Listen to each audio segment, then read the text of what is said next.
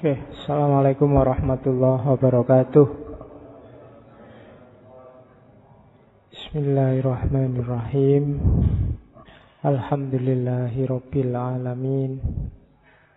Assalatu wassalamu ala ashrafil anbiya'i wal mursalin. Sayyidina wa maulana Muhammadin wa ala alihi wa ashabihi ajma'in. Amma ba'du. Bismillah Mari kita lanjutkan ngaji filsafat kita. Malam ini melanjutkan tema tentang filsafat cinta. Minggu lalu kita sudah ketemu Plato dengan platonic love-nya malam ini kita ketemu Erich Fromm. Membacanya kalau bahasa aslinya karena lahir di Jerman orang Jerman membacanya Erich Fromm. Tapi nanti dia saat sukses hidupnya di Amerika Orang Amerika membacanya lebih suka pakai Eric. Jadi belakangnya K. Makanya kita membacanya santai aja. Tidak harus kaku, harus Eric nanti lidahmu melengker. Biasa aja dibaca Eric from seorang tokoh yang dikenal uh, dalam psikoanalisis Erich Fromm adalah psikolog terakhir psikoanalis yang hidup menangi Plato eh menangi Plato menangi Freud karena dia melanjutkan ajaran psikoanalisisnya meskipun dia mengkritik gurunya pada saatnya kita akan ngomong khusus pikiran-pikirannya Eric Fromm yang dikenal sebagai psikologi humanistik. Cuma malam ini kita cuplik satu saja gagasannya yang cukup terkenal karena dia nulis buku The Art of Loving tentang cinta. Malam ini kita ambil dari The Art of Loving ditambah sedikit dari bukunya yang judulnya To Have or To Be. Nah, itu konsep cintanya Erich Fromm. Oke ya. Kita mulai pelan-pelan. Semoga nggak ruwet. Belajar filsafat itu penghalangnya biasanya satu sebelum belajar sudah merasa ruwet dulu.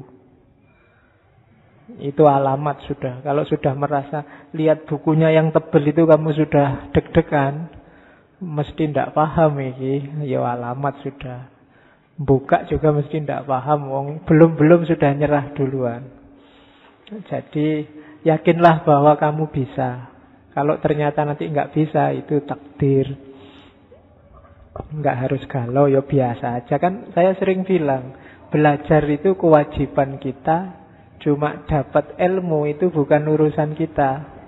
Paham atau tidak mungkin juga bukan urusan kita. Itu Allah yang me meltikkan cahayanya dalam pikiran kita sehingga kita paham. Kalau belum ya memang mungkin belum waktunya. Belajar terus sampai waktunya nyampe.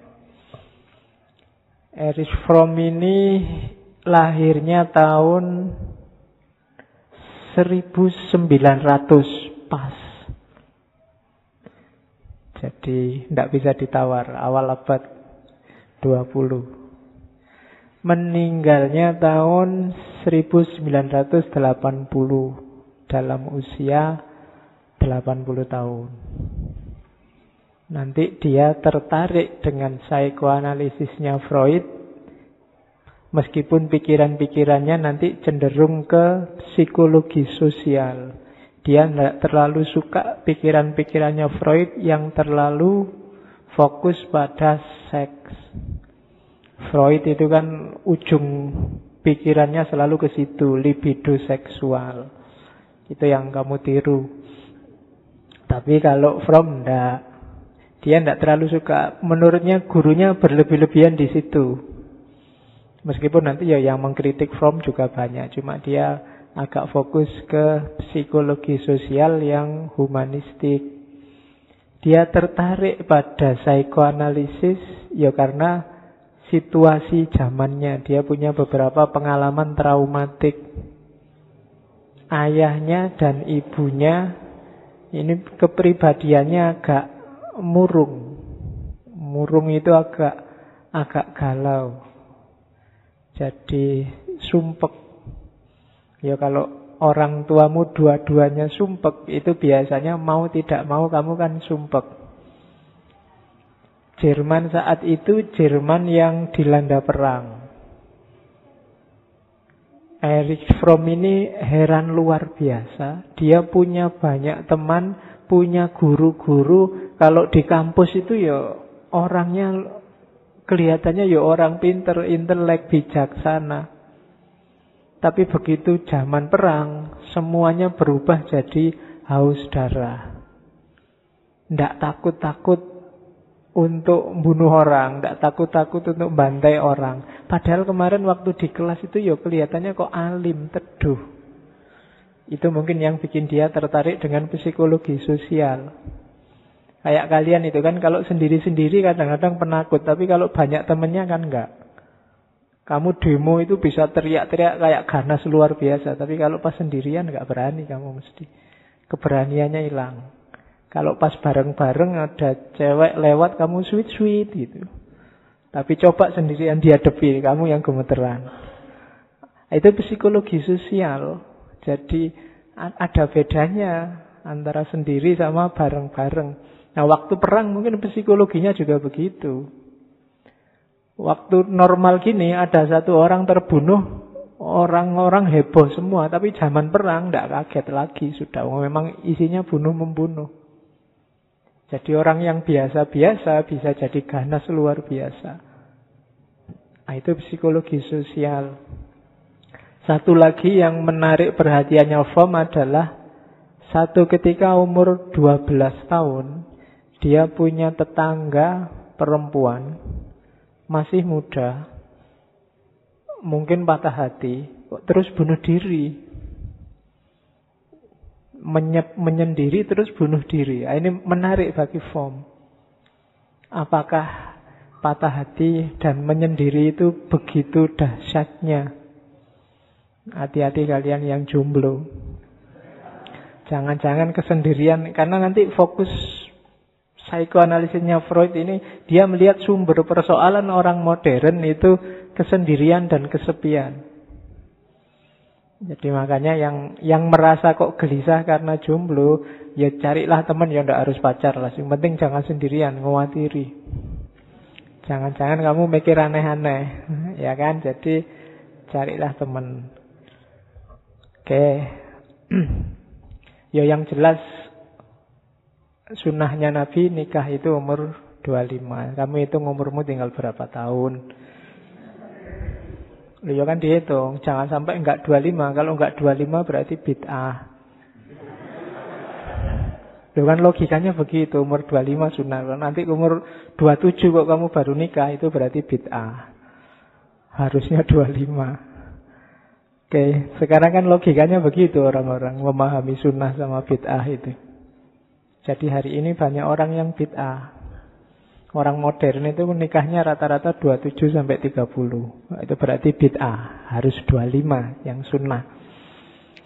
Oke. Jadi itu pengalaman-pengalaman traumatiknya. Dia kuliah di Jerman, nanti umur-umur 33, 34 pindah ke Amerika, melanjutkan kuliah dan jadi dosen, jadi guru besar di akhir-akhir hidupnya hidup tenang di Swiss sampai umur 80 dan meninggalnya di Swiss. Itulah beliau Erich Fromm.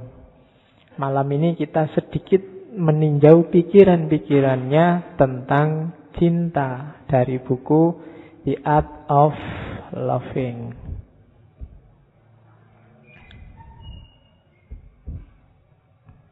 Error kah?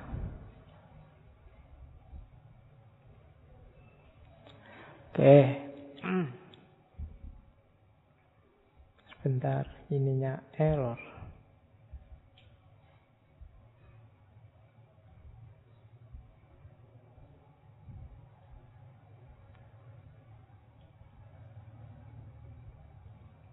Kita buka lagi aja.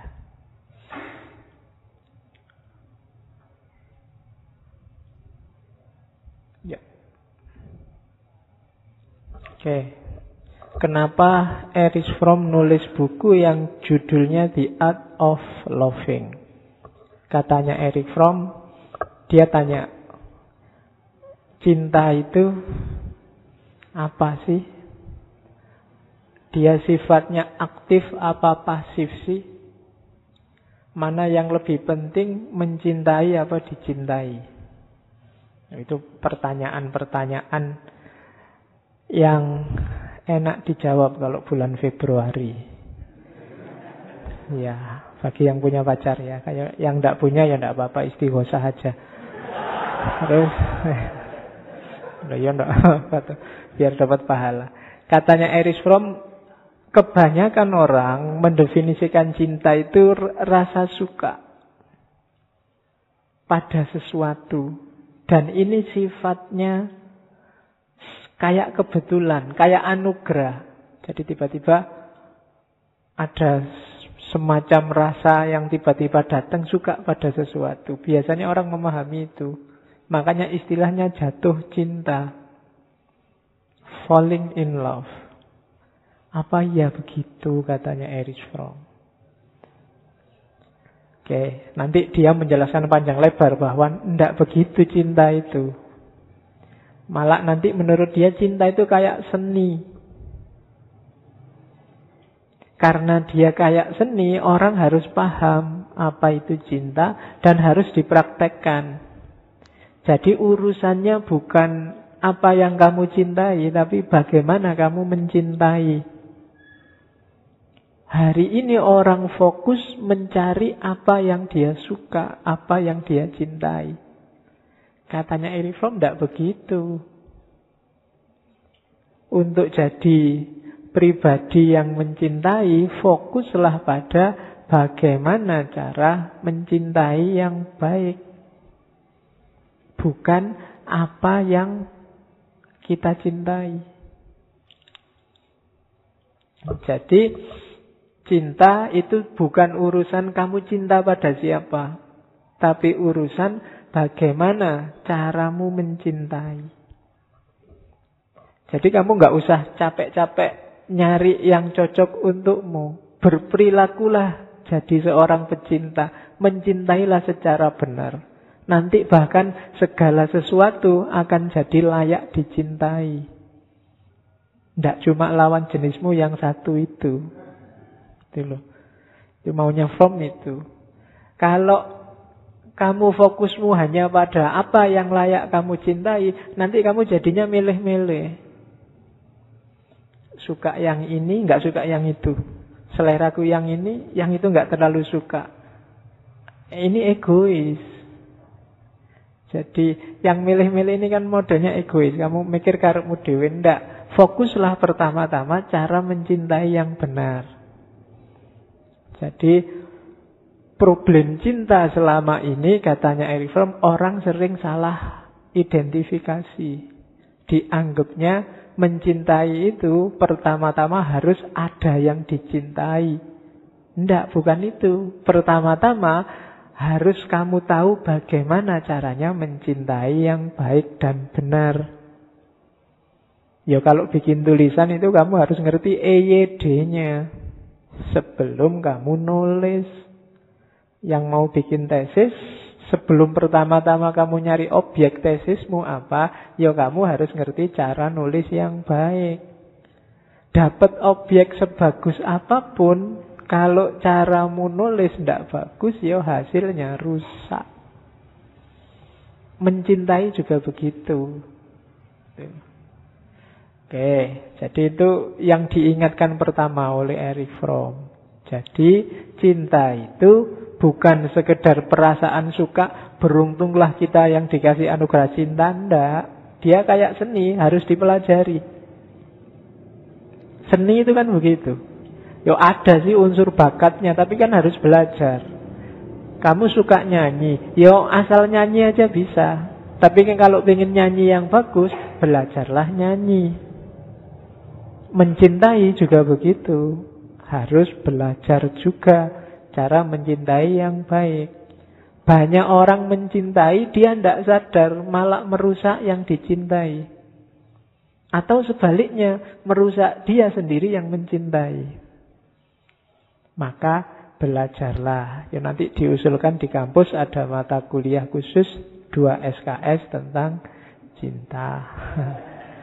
Loh ya ndak apa-apa wong hampir semua filosof ilmuwan bilang bahwa relasi paling agung antar manusia itu cinta.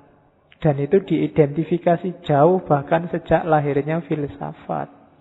Beberapa filosof awal kan sudah ngomong itu. Dunia ini berputar kayak minggu lalu Plato itu karena adanya cinta. Kalau enggak mandek. Oke, catatan pertama itu. Makanya dia punya sebuah quote yang bagus. Love is an activity, not a passive effect. Jadi cinta itu aktif, tidak pasif. Jangan diam saja. Gitu Ya kalau kamu diam saja ya nggak dapat-dapat. Tidak usah nunggu takdir. Atau kalau sudah dapat juga jangan diam saja. Harus tahu kalau sudah nembak terus diterima mau ngapain. Ya, begitu keliru bisa blunder. Maka cinta itu katanya Erich Fromm bukan standing, bukan falling fall, tapi standing in. Bukan jatuh cinta, tapi mendirikan cinta menegakkan cinta. Standing in itu kayak kalau apa ya kalau bahasanya Al-Quran kayak sholat itu kan ikomatu sholat mendirikan sholat tidak sekedar melaksanakan sholat. Nah dirikanlah cinta. Jangan jatuh cinta. Kalau jatuh cinta itu kebetulan.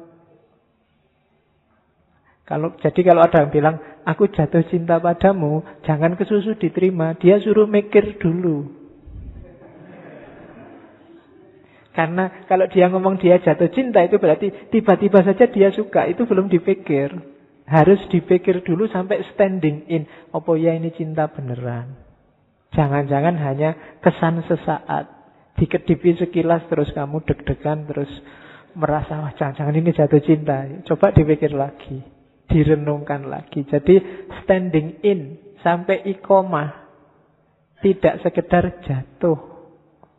Nah, jadi kalau kamu ditembak, aku jatuh cinta padamu, cintanya bagus, jatuhnya yang jelek. Jadi harus stand, harus paham benar apa itu cinta, syukur-syukur ngerti bagaimana cinta yang aktif, bukan cinta yang pasif. Jadi rumus pertama dari From, cinta itu aktif, tidak pasif. Karena cinta itu seni, bukan jatuh.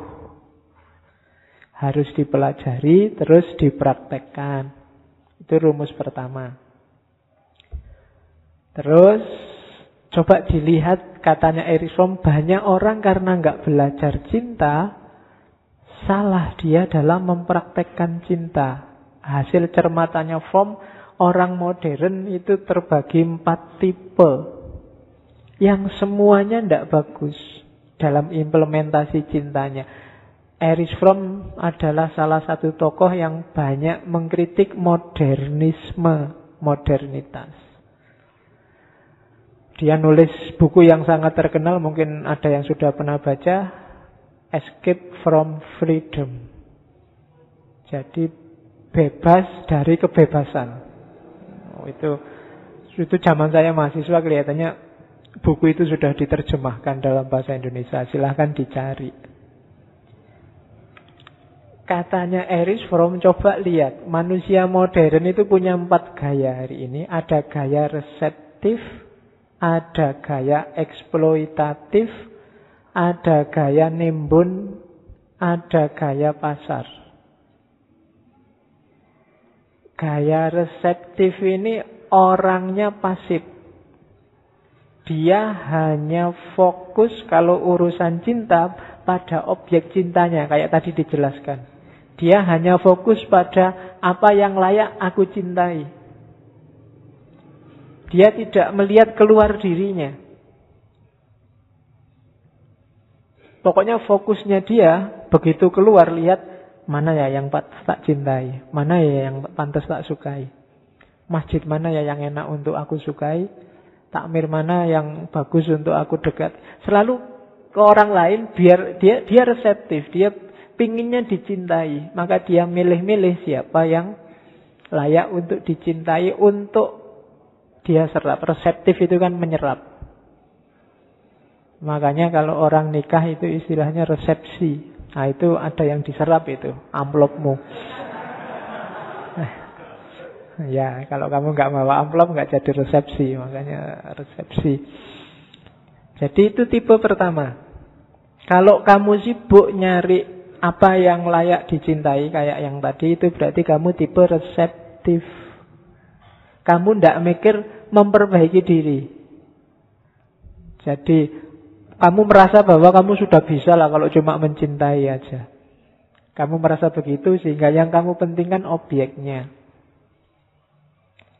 Nah, ada yang lebih ekstrim dari reseptif apa? Eksploitatif. Exploit kalau reseptif itu biasanya pasif. Kamu yang layak aku cintai ya sudah. Tapi kalau eksploitatif ini selangkah lebih ekstrim. Apa istilah selangkah lebih ekstrim itu ya?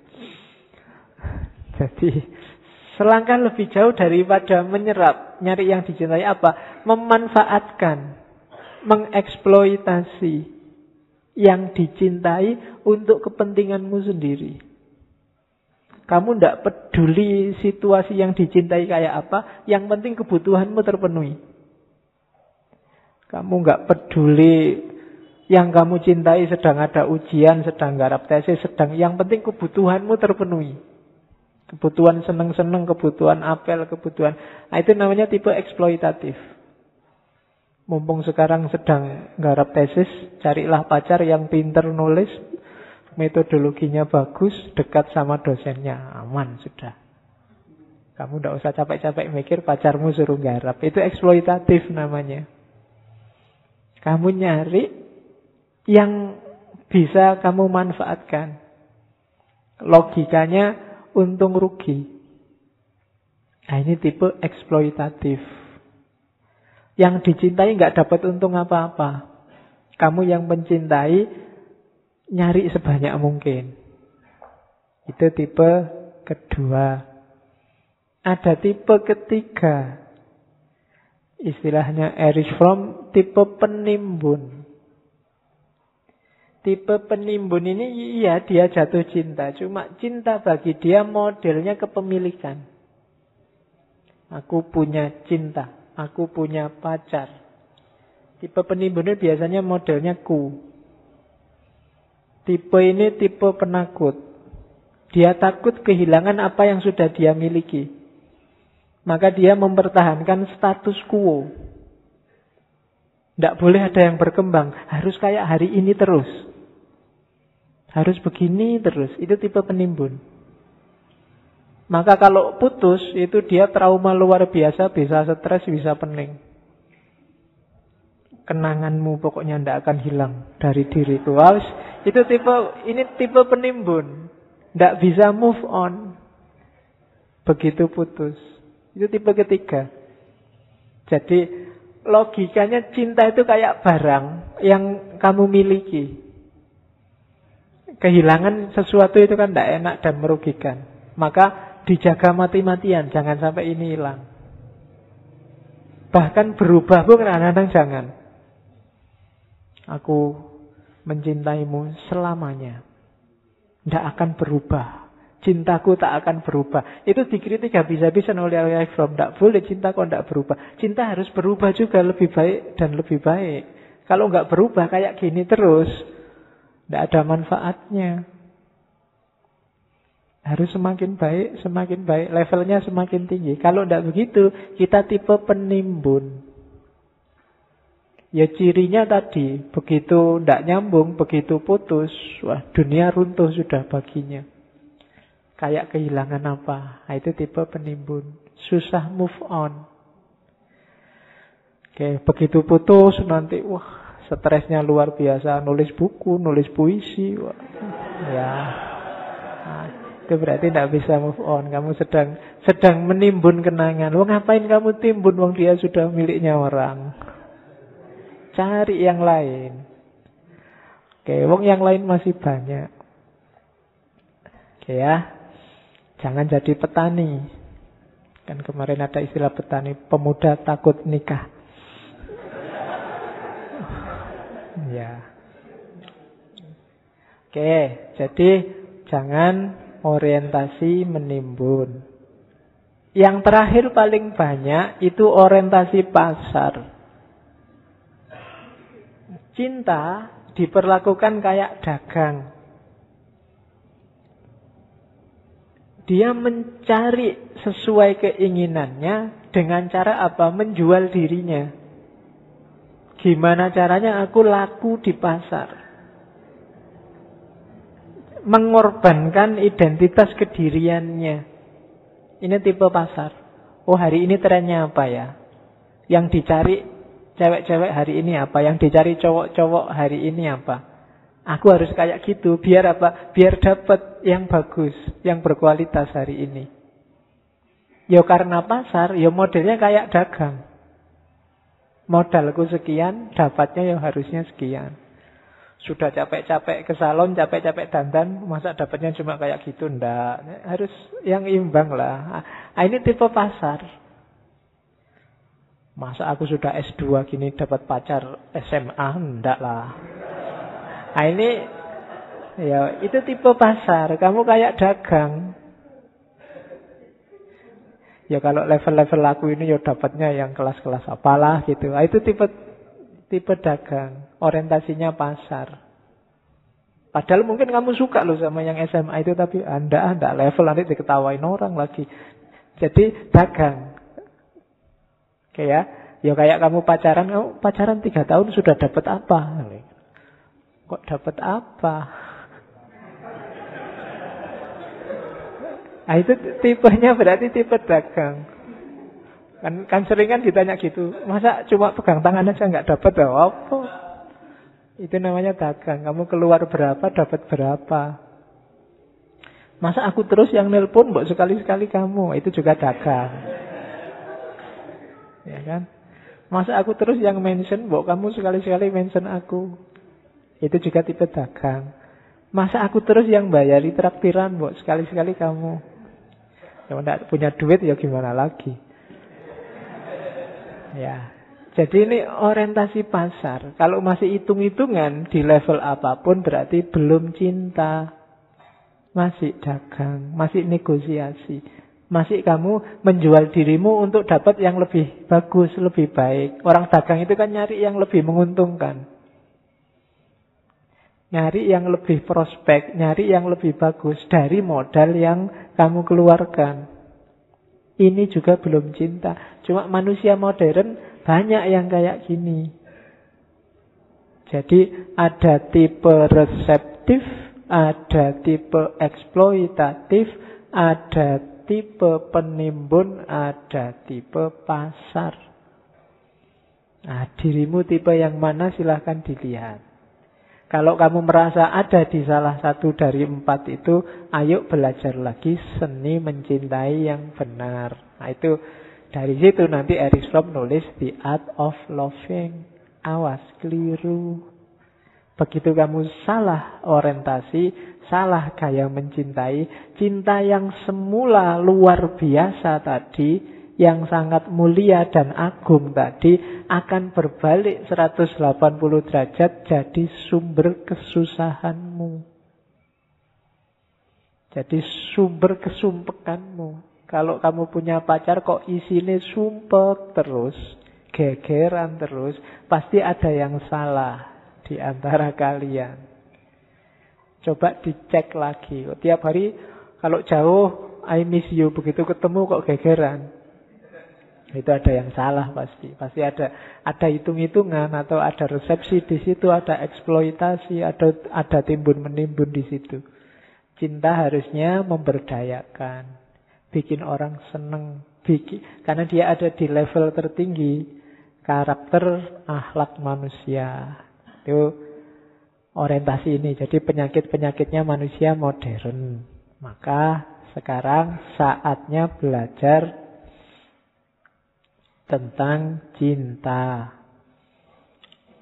Yang pertama, ingatlah katanya Eric Fromm mengingatkan yang tadi, cinta itu watak.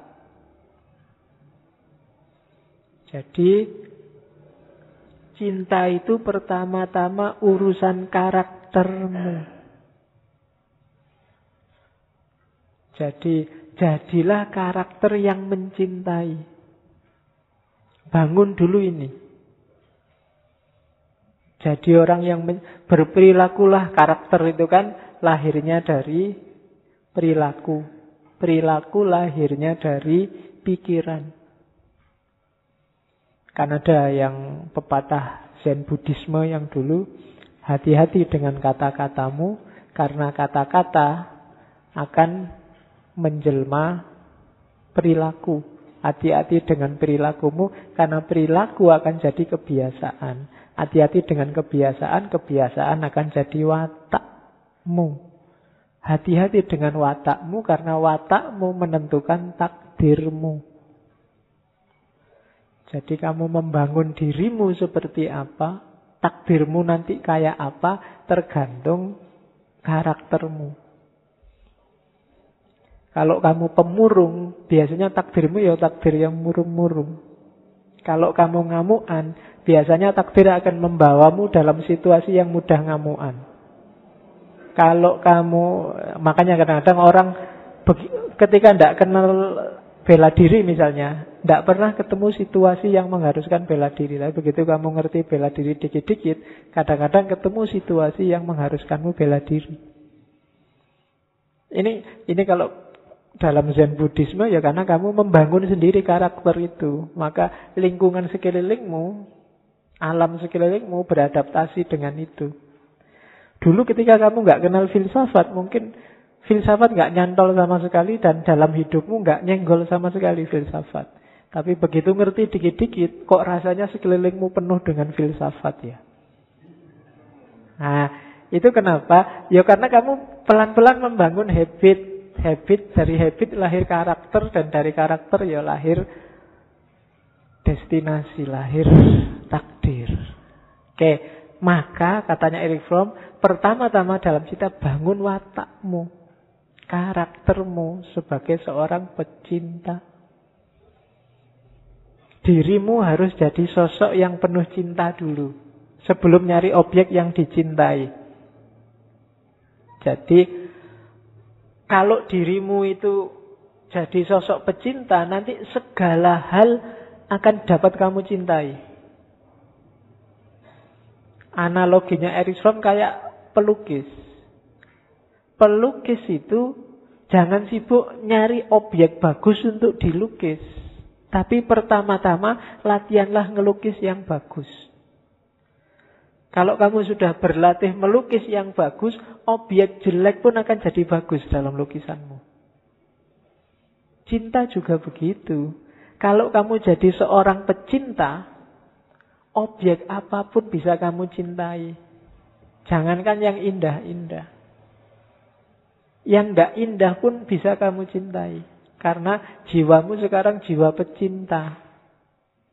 Yang tidak indah itu enggak, enggak cuma urusan lawan jenis. Kemiskinan itu kan sangat tidak indah secara estetik. Tapi kan kamu disuruh mencintai orang miskin.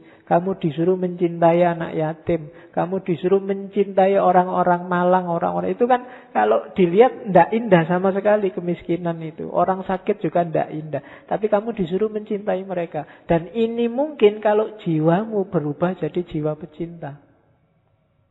Kalau belum, susah. Kamu bisanya cinta sama yang cantik-cantik, yang cakep-cakep, yang tidak cakep enggak. Jadi jangan sibuk nyari objek yang dilukis, tapi sibuklah latihan ngelukis yang bagus. Kayak foto itu loh kan. Kadang-kadang objek fotonya jelek, tapi yang pinter fotografi itu objek fotonya jadi bagus. Apalagi sekarang HP kan ada banyak aplikasi. Wajahmu jelek, kamu cari sudutnya yang bagus terus jadinya bagus, jadi cantik. Makanya sekarang kalau tiba-tiba fotomu jadi bagus kan di komen itu kan biasanya, wah cantik sekali, pakai aplikasi apa? jadi ya itu sarannya melecehkan kan begitu. Wah kamu kok ganteng sekali kelihatannya sekarang, aplikasinya apa? Oke, jadi bentuklah watakmu sebagai pecinta. Dan katanya Fromm, kalau kamu sudah jadi pecinta, tidak mungkin kamu hanya cinta satu objek, cinta pada satu orang saja. Benci yang lain nggak mungkin. Karena ketika seseorang sudah menjelma jadi pecinta, tidak ada kebencian di sana. Kalau masih ada sisa kebencian, ya berarti kita belum masuk ke makom cinta. Meskipun ya pasti beda cara mencintai lawan jenis sama teman sesama jenis cara mencintai tetanggamu dengan cara mencintai dosenmu, gurumu. Ya, ya caranya memang beda-beda, tapi semuanya ada di makom cinta. Kalau kamu bisanya hanya mencintai satu orang dan tidak peduli sama yang lain, kalau bahasanya Erich Fromm, itu bukan cinta. Itu egoisme yang diperluas. Hmm, istilahnya rada unik ya. Jadi itu jadi egois, cuma diperluas ke satu orang yang kamu cintai itu. Enggak ah, aku sukanya cuma sama kamu. Yang lain enggak penting semua. Nah, itu itu masih egois. Pokoknya dunia ini semua enggak ada artinya. Hanya kamu satu-satunya. Itu egois. Kalau pacarmu bilang begitu, suruh belajar lagi tentang cinta. Ya, dia belum mencintai yang benar. Jadi cinta yang benar itu ya aku mencintai kamu sebagaimana yang lain juga aku cintai. Tapi jangan dipakai dalil untuk selingkuh ya. ya. Karena aku cinta sama semuanya. Oke, jadi rumus pertama karena tadi problem seperti yang di atas, rumus pertama adalah jadilah bangunlah watakmu dengan karakter pecinta. Oke. Nah, baru kemudian masuk ontologinya. Katanya Erich Fromm, kenapa sih cinta itu penting? Perhatikanlah, kalau kamu jeli, coba merenunglah. Orang butuh yang lain untuk dicintai karena manusia ini punya problem eksistensial. Jadi problem keberadaan kita di dunia. Banyak problemnya itu. Erich Fromm di Art of Loving itu banyak menyebut antara lain coba ya. Kita itu lahir tanpa menghendaki dan nanti mati padahal kita tidak ingin. Tidak menghendaki. Itu kan problem eksistensial. Kita tidak ingin ada, tiba-tiba ada, dilahirkan oleh ibu kita. Setelah enak-enak di dunia kok ya dimatikan. Mungkin kita tidak ingin mati. Ini kan problem eksistensial. Diawali dari tidak ngerti, kemudian terakhirnya dipaksa dihilangkan. Ini problem eksistensial. Kemudian dalam hidup ini ternyata karakternya adalah kita terpisah dan tidak berdaya. Menghadapi alam semesta kita sering tidak berdaya. Kehujanan dikit sakit, pilek, Kan itu kita tidak berdaya. Tidak canggih. Pingin apa-apa tidak mesti keturutan. Banyak keterbatasan-keterbatasan. Ini kan tidak berdaya. Kemudian keterpisahan. Banyak sekali yang kita sukai pada akhirnya harus berpisah. Dan itu sunatullahnya begitu dalam hidup. Terhadap apa pun. Ini kan kegelisahan eksistensial. Meskipun kamu sudah mati-matian bilang, pokoknya sepanjang hayat kita selalu bersama. Tidak bisa, pada saatnya tetap berpisah. Tidak mungkin bareng terus. Nah, ini kan gelisah akhirnya. Kenapa kok gelisah? Karena perpisahan itu menyakitkan. Ya nama lain perpisahan kan akhirnya kita sendiri. Sendirian itu kan menakutkan. Itu yang bikin Adam minta ditemani Hawa. Padahal itu di surga loh. Di surga itu kan kamu bisa minta apa aja sak kapoe. Seneng-seneng tak. Tapi dia tetap minta hawa. Kenapa? Kesendirian itu menyakitkan.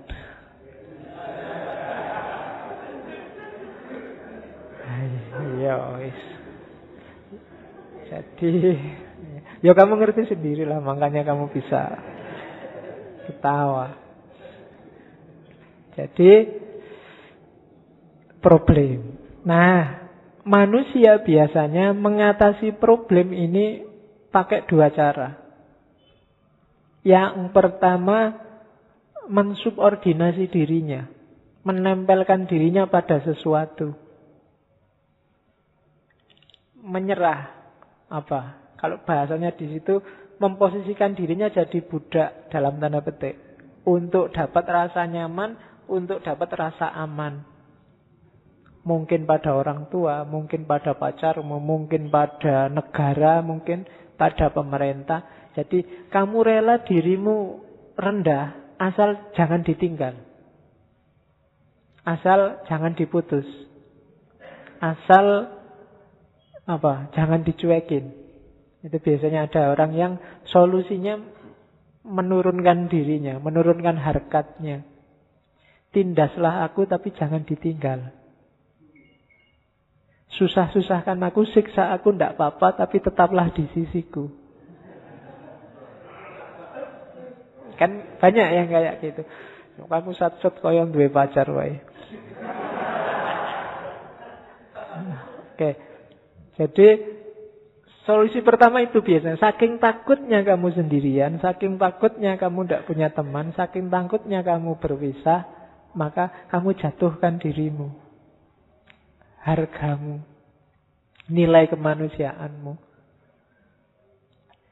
Kayak hari ini kan banyak yang demo, misalnya mengkritik Pancasila. Tapi begitu dijawab, kalau nggak suka Pancasila ya keluar aja dari Indonesia. Oh itu mesti takut. Kenapa? Perpisahan itu menyakitkan. Harus mulai lagi nyari teman baru lagi mungkin di luar negeri itu kan sumpek juga. Wong sudah nyaman banyak teman di sini. Ini hubungannya sama problem eksistensial. Oke. Makanya kan itu skala Indonesia. Kalau skala bumi kan ada ajaran sufi itu. Kalau kamu tinggal di bumi tapi menyalahi perintahnya yang punya bumi, maka keluarlah dari bumi. Oh itu kan menakutkan. Kalau Gusti Allah ngusir kita, kita mau ke mana? Kan gitu. Dan retorika ini menurut saya luar biasa. Kenapa? Karena manusia punya problem eksistensial ini. Dia takut sendirian, takut kesepian. Kalau diusir dari bumi mau ke mana? Keluar bumi apa di luar bumi ada warungnya, ada angkringannya, ada ngobrolnya sama siapa. Ini kan sumpek. Maka astronot di luar angkasa itu kan katanya tidak boleh terus-terusan dalam jangka waktu tertentu harus kembali ke bumi. Kenapa? Bisa stres dia di sana. Makanya tiap kali, jangankan itu, kamu tiap Idul Fitri kan di Indonesia ada mudik masal. Kenapa? Orang ingin nyambung lagi. Khawatir kehilangan, khawatir berpisah. Maka mereka butuh kepastian eksistensial bahwa ndak keluargamu masih ada, masih mendukungmu, kita masih bareng-bareng. Maka orang butuh mudik. Nah, solusi pertama tadi kamu menjatuhkan levelmu. Dan yang kedua, tidak dengan menjatuhkan level, tapi dengan cinta. Dengan cinta itu berdiri setara, sejajar, saling membantu, saling menguatkan, saling mendukung. Karena kalau tadi yang menjatuhkan diri, padahal kalau kamu memperbudak dirimu di hadapan orang lain, sebenarnya orang lain juga sebenarnya butuh teman. Mereka juga takut sendirian, mereka juga takut ditinggal, takut kesepian. Maka Jangan mau memposisikan dirimu subordinat, inferior. Kita sama-sama butuh kok. Ayo kerjasama. Saling membantu, saling menguatkan, saling menegaskan keberadaan kita. Itu namanya cinta. Maka jangan jatuh dalam cinta, tapi berdirilah dalam cinta. Stand in. Kalau tidak begitu, biasanya kamu menjatuhkan dirimu, nggak cuma jatuh cinta, tapi jatuh hargamu. Kamu mengabdi pada sesuatu yang kamu sukai. Kamu jadi budaknya yang kamu cintai. Entah orang, entah barang, entah sesuatu. Nah, lawannya hanya cinta.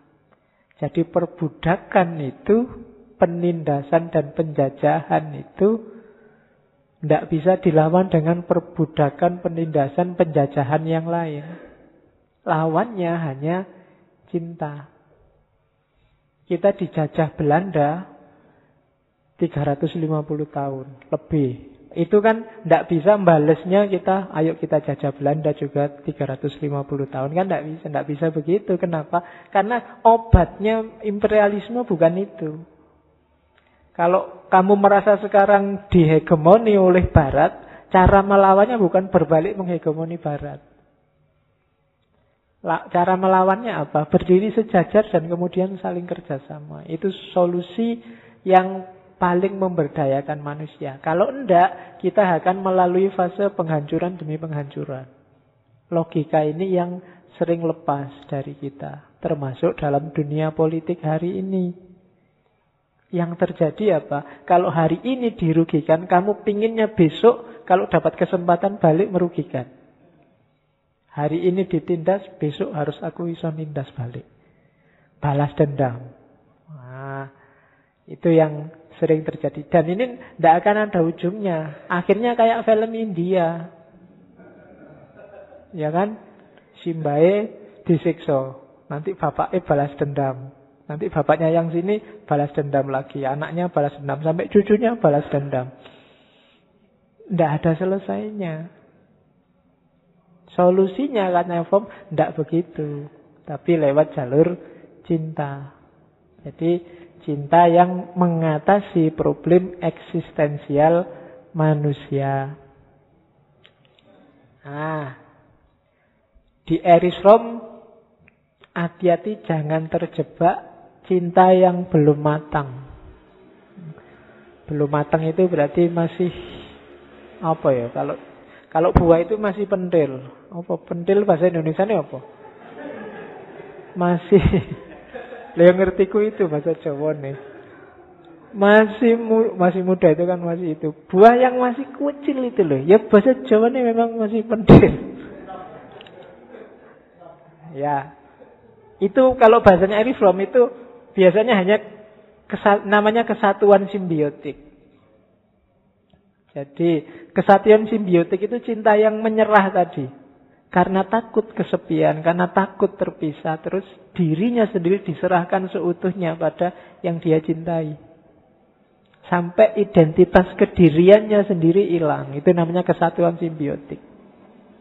Melupakan dirinya, menyerahkan dirinya bulat-bulat pada yang dicintai, itu namanya kesatuan simbiotik. Ini ya cinta, cuma cinta yang tidak mateng.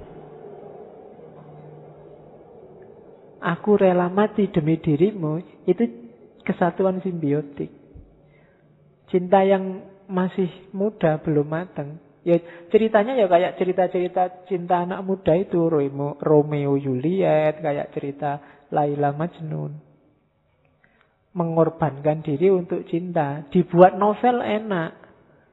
Tapi dalam prakteknya itu namanya ndak pinter, ndak mateng. Masih banyak cara untuk saling memberdayakan dalam cinta. Jadi kalau cinta terhalang ya kamu ndak harus kawin lari nanti capek. Masih banyak jalan yang lain. Gitu. Nah itu namanya kesatuan simbiotik. Cintamu belum matang. Cinta yang matang itu apa? Ya punya yang dicintai. Antara yang dicintai dan mencintai saling mengutuhkan dirinya masing-masing. Kita dekat tapi tidak saling mengsubordinasi. Kita jadi satu tapi tetap dua. Kayak puisinya Gibran yang dulu waktu ngaji bahwa kayak tiang ini loh.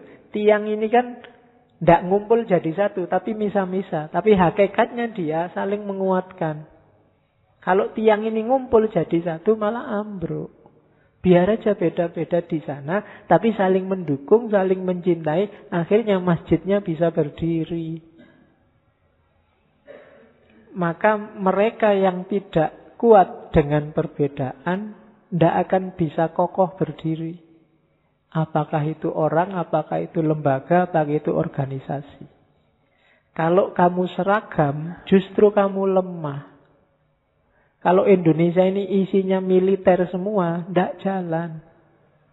Yang nyangkul siapa? Yang ngajar siapa? Lah iya kan?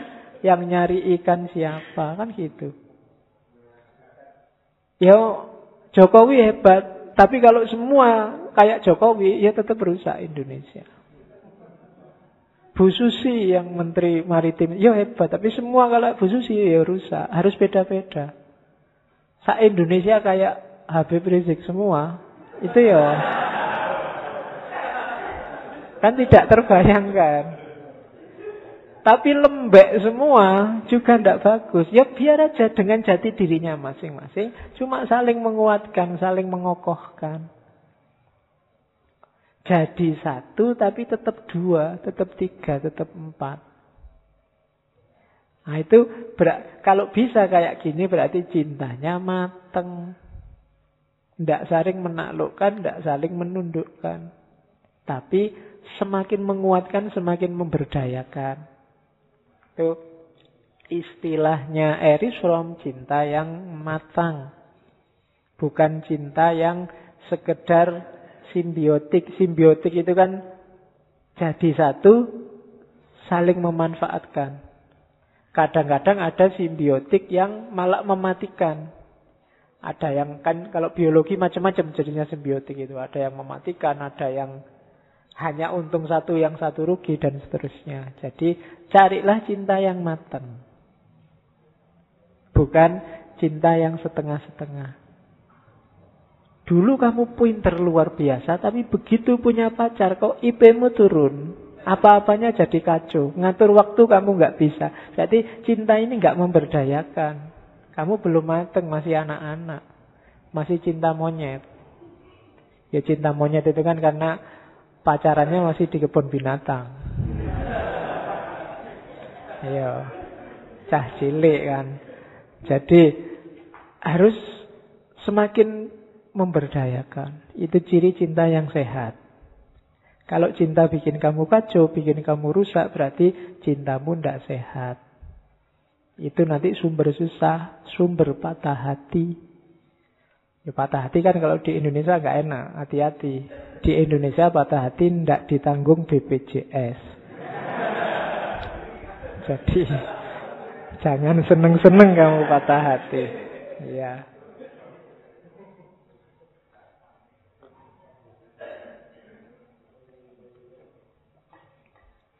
Terus. Oke. Okay. Nah itu ada kalimat bagus. Infantile love. Cinta yang tidak matang. Infantile love follows the principle I love because I am loved. Mature love follows the principle I am loved because I love. Jadi cinta yang kekanak-kanakan itu prinsipnya Aku mencintai karena aku dicintai duluan. Tapi cinta yang mateng Aku mencintai. Ya. Aku dicintai. Karena aku sebelumnya mencintai. Yang tadi ya, bukan kamu nyari objeknya. Jadilah pribadi pecinta, maka kamu akan dicintai. Jangan nunggu dicintai terus kamu baru bales mencintai. Itu kekanak-kanakan, itu masih level dagang.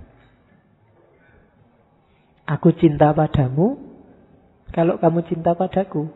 Nah, itu berarti belum cinta, itu masih negosiasi. Itu harusnya kalimatnya tidak begitu. Harusnya aku berencana mencintaimu. Kalau kamu cinta padaku, kalau enggak, ya aku ganti rencana. Ya, Loh kan itu belum mencintai, ya masih rencana. Jangan bilang cinta dulu, wong masih nunggu jawaban. Kalau sudah cinta, kamu tidak akan mikir ditolak apa diterima. Biar aja itu tidak penting. Kalau kamu mikir, lupa, kalau ditolak kan berarti nggak jadi milik kita. Ya, kalau tipenya berarti kamu masih penimbun. Cinta harus memiliki. Ya, ya memang cinta itu bisa memiliki syukur. Kalau nggak bisa memiliki, Iya, ya syukur juga. Cuma syukurnya beda. Ya, kalau bisa memiliki itu syukur alhamdulillah. Kalau tidak bisa syukur ora kowe. Oke. Terus. Nah. Jadi cintanya harus matang. Fokusnya bukan pada yang dicintai tapi kita yang mencintai. Terus Nah, ini yang orang sering salah paham. Cinta itu memang cirinya bukan minta atau nyari untung, tapi justru memberi. Memberi tidak dalam arti berkorban. Banyak orang salah paham. Itu nanti Eris perhatikan banyak definisi memberi. Secara umum memberi itu lawannya menerima. Menganugerahkan sesuatu, mengorbankan sesuatu. Lawannya menerima, memeras, menimbun itu kan tidak memberi. Meminta, memaksa. Itu definisi umum. Ya memberi ya memang menganugerahkan sesuatu. Yang semula kamu miliki kamu kasihkan. Itu kan memberi. Kalau dalam dagang, memberi itu ada orientasinya. Orientasinya apa? Dapat yang lebih banyak. Harus ada imbangannya menerima. Jangan mau memberi saja, harus ada menerimanya. Ini orang dagang. Kalau kamu memberi tapi tidak menerima apa-apa, berarti kamu ketipu. Dagang kan begitu. Sudah kuberikan segalanya, tapi apa yang kau berikan padaku? Itu berarti sedang dagang. Dia minta, ya aku modalku sekian keluar, harusnya aku untung sekian dong. Kok malah begitu? Selama ini kurang apa aku padamu, kok kamu malah kawin sama orang lain? Nah itu kan keluhan orang yang dagang. Jadi orang yang sedang nyari untung. Ada lagi katanya Erifrom, kelompok non produktif. Kelompok non produktif itu Memberi itu dianggapnya pemiskinan. Semakin banyak memberi hati-hati, kamu akan semakin melarat. Semakin sering ngelaktir, semakin cepat kamu bokek. Itu orang non produktif. Pemberian dianggap mengurangi sesuatu dari dirinya. Nah, katanya Erich Fromm, pemberian itu maknailah secara produktif, eksistensial. Jangan dilihat berkurangnya sesuatu dari dirimu saat memberi. Hakikatnya memberi adalah pembuktian bahwa kamu mampu, bahwa kamu punya. Orang yang bisa memberikan orang yang memiliki. Kamu tidak mungkin bisa memberi kalau kamu nggak memiliki. Maka pemberian artikan secara produktif dan eksistensial. Dengan kamu memberi berarti Ternyata aku itu mampu ya. Ternyata aku itu punya ya. Itu kan eksistensial. Pembuktian bahwa dirimu mampu, dirimu kuat, dirimu punya, dirimu vital. Dirimu penting. Jadi rahasianya di situ. Makanya kenapa kok orang disuruh sodakoh banyak-banyak kalau dalam Islam. Tidak usah dipikir kalau kamu sodakoh 700 nanti kembalinya 7 juta. Itu tidak penting itunya. Begitu kamu bisa memberi, itu menunjukkan bahwa kamu mampu. Kamu punya kapasitas, kamu punya kemampuan, kamu ternyata punya sesuatu yang bisa diberikan ke orang lain. Oh ini membangun kepercayaan diri, membangun identitas yang luar biasa. Jadi tidak harus dihitung membeli sekian kembali berapa, ndak. Dengan kamu bisa memberi, jati dirimu terafirmasi. Oh, ternyata aku itu golongannya orang kuat, golongannya orang mampu. Cinta juga begitu. Makanya ada pepatah yang bilang kalau kamu memberi, kamu dapatnya lebih banyak. Dapat lebih banyak itu tidak harus 700 kembali 7 juta. Lebih banyak itu bentuknya bisa macam-macam. Termasuk tadi yang paling penting, afirmasi kemampuanmu, kapasitasmu. Sehingga jati dirimu terbangun. Kamu jadi sesuatu sekarang. Kalau kemarin sebelum kamu memberi, kamu seolah-olah nggak ada artinya. Tapi sekarang ketika kamu bisa memberi, jati dirimu sekarang sudah tegas. Oh aku ini ada artinya. Hidupku ini tidak sia-sia. Itu memberi. Ya memberi itu tidak harus barang. Jasa juga bisa. Tenaga juga bisa. Pengetahuan juga bisa. Apa pun jenisnya memberi akan semakin menguatkan dirimu. Nasihat juga bisa.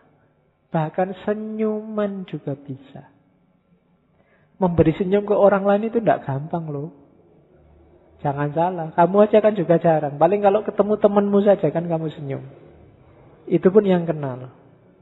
Yang tidak kenal kalau dihitung misalnya kamu kuliah di kampus itu antara mahasiswa yang kalau ketemu kamu senyum dengan yang cuek aja kamu tidak kenal itu lebih banyak yang kamu cuek saja.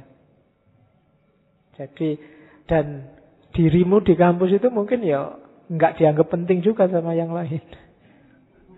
Tapi ketika kamu bisa memberi meskipun hanya senyum, keberadaanmu diafirmasi.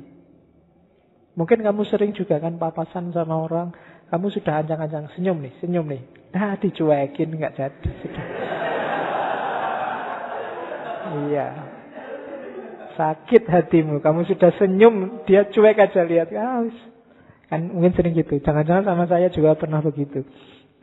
Lagi pikiran suntuk nggak peduli ada yang mau senyum. Jadi ya kamu yang sudah terlanjur senyum, wah mangkalnya luar biasa. Tapi jangan takut. Ketika kamu senyum ke orang, meskipun dicueki, itu tidak penting orang yang balas senyum apa enggak. Tapi menunjukkan, ah ternyata aku ini ada masih mampu. Bisa ngasih sesuatu meskipun hanya senyum. Gitu Oke, jadi hakikatnya cinta nanti ada pada memberi. Yo termasuk memberikan kebahagiaan, memberikan restu kalau dia kawin sama orang lain. Iya. Eh. Ya, ya kan kan ada pepatahnya begitu, jangan khawatir. Kalau memang jodoh pasti ketemu di pelaminan. Cuma mungkin kamu jadi tamu.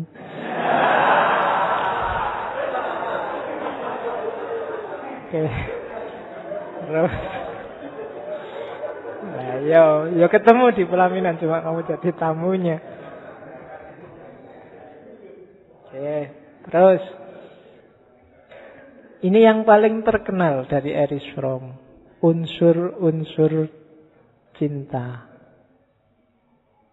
Nah, cinta yang memberdayakan, bukan cinta yang memperdayakan, itu cirinya empat.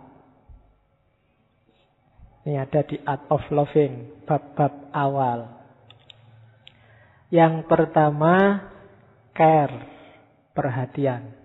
Yang kedua, responsibility, tanggung jawab. Yang ketiga, respect, rasa hormat. Yang keempat, knowledge, pengetahuan. Jadi care berarti apa? Harus perhatian. Itu cirinya seorang cinta atau tidak, harus ada care. Tidak mungkin kamu tidak care sama yang kamu cintai. Kalau kamu bilang mencintai kok tidak care, itu pasti bukan cinta. Tidak mungkin kamu jatuh cinta terus aku kok galau ya hari ini. Oh, galau galumu sendiri, jangan ngajak-ngajak aku. Ah, itu namanya tidak care. Sumpuk-sumpukmu sendiri ya urusanmu, jangan ngajak-ngajak aku. Ah, itu namanya tidak care. Harus ada care maju mundurnya, sumpek sedihnya, sejahtera atau jatuhnya yang kamu cintai, jadi perhatianmu, kamu harus peduli. Enggak boleh cuek. Ya enggak harus cinta sama lawan jenis, cinta sama apa pun. Cinta sama Allah ya berarti harus care sama Allah dan keinginannya. Enggak boleh enggak care. Enggak boleh misalnya kamu bilang cinta sama Allah tapi dosanya jalan terus. Kok jalan? Oh, enggak apa-apa lah. Allah kan maha pemaaf, dicuekin aja nanti kita tinggal minta maaf. Enggak boleh, itu berarti enggak cinta. Kalau memang cinta, ya harus peduli. Kalau cinta sama Indonesia juga harus peduli. Alah Pak, Indonesia sudah ada yang ngurus, saya nggak usah mikir lah. Sudah banyak orang pinter yang mikir. Itu namanya enggak care. Kalau memang care, ya peduli. Ikut prihatin saya, tidak apa-apa, paling tidak ikut prihatin. Meskipun mungkin itu bahasa basi. Tapi menunjukkan bahwa kamu care. Jadi ciri pertama itu. Kalau care aja tidak ada, pasti bukan cinta. Kok kamu punya teman dekat, kamu bilang, malam ini perasaanku kok tidak tenang ya. Udah nggak usah ganggu orang tidur. Nah itu tidak care namanya, tidak peduli. Harus care. Yang kedua, responsibility. Responsibility itu ikut bertanggung jawab. Kalau ada misalnya yang kamu sukai melakukan yang jelek-jelek, ya diingetin itu namanya ikut tanggung jawab. Eh, jangan begitu. Ah, jangan nekat. Ah, jangan curang. Nanti kamu susah. Itu namanya ikut tanggung jawab. Bukan kamu-kamu, aku-aku. Itu namanya nggak responsibel. Biar aja urusannya sendiri-sendiri. Tidak bisa. Itu namanya nggak responsibel. Meskipun tanggung jawab ini bukan berarti dominasi. Atau mendikte pasanganmu. Tanggung jawab berarti apa? Ikut terlibat demi kebaikannya, demi kemajuannya, demi kesejahteraannya. Jadi setelah care harus responsibel. Setelah kamu bilang saya prihatin, itu tanggung jawabnya selanjutnya gimana kalau prihatin? Apa yang harus dilakukan? Itu namanya tanggung jawab. Malam ini perasaanku kok tidak enak ya. Ya aku, aku ikut prihatin dengan perasaanmu.